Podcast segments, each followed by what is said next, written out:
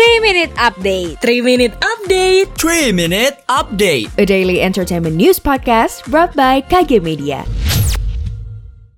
Sobat Medio, ada kabar gembira nih dari Kompas.com. KKN di Desa Penari berhasil tembus sampai 6 juta penonton dan mungkin di hari ini udah mencapai 7 juta. Film besutan MD Entertainment ini laris di bioskop setelah dirilis sejak lebaran 2022. Kesuksesan film ini membuahkan rumor adanya bonus untuk para pemeran film KKN di Desa Penari. Menanggapi adanya bonus ini, Tisa Biani bilang rahasia. Tisa cuma berharap kalau film ini bisa semakin disukai masyarakat Indonesia dan jadi film terlaris. Film ini juga udah berhasil nih mengalahkan rekor pengabdi setan pada 4,2 juta penonton. Masih ada gak nih yang belum nonton film KKN di Desa Penari?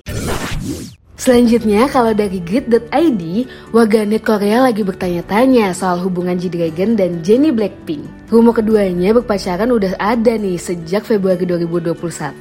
Tapi pihak agensi mereka nggak pernah memberi pernyataan resmi.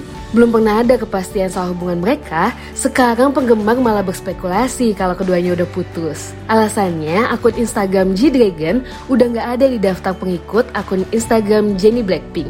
Nggak cuma di akun utamanya, G-Dragon juga udah nggak kelihatan nih di daftar pengikut akun kedua Jennie at Leisha Denini. Rasa penasaran penggemar makin menjadi-jadi waktu melihat daftar pengikut Rose, Lisa, dan Jisoo. Mereka masih di follow oleh G-Dragon. Wah, ada apa ya antara Jennie dan G-Dragon? Terakhir nih dari high.git.id. Basis band metalcore besar asal Amerika Serikat, S.I. Light Dying, Josh Gilbert memutuskan untuk mundur. Kabar ini diumumkan Josh lewat akun Instagram pribadinya.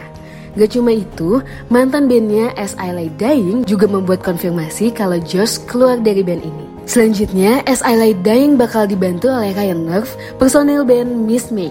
Bantuan dari Ryan untuk mengisi kekosongan posisi lama Josh selama mereka touring. Josh Gilbert resmi menjadi basis dan vokal latar di As I Lay Dying sejak 2007. Saat itu menggantikan Glenn Norris, debut album pertamanya dengan band adalah An Ocean Between Us yang dirilis di tahun yang sama dan langsung mendapatkan hati para fans. Demikian 3 Minute Update hari ini, saya Nisha Ulia pamit.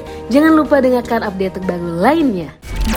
Sekian update pagi ini, sampai ketemu di 3 Minute Update selanjutnya.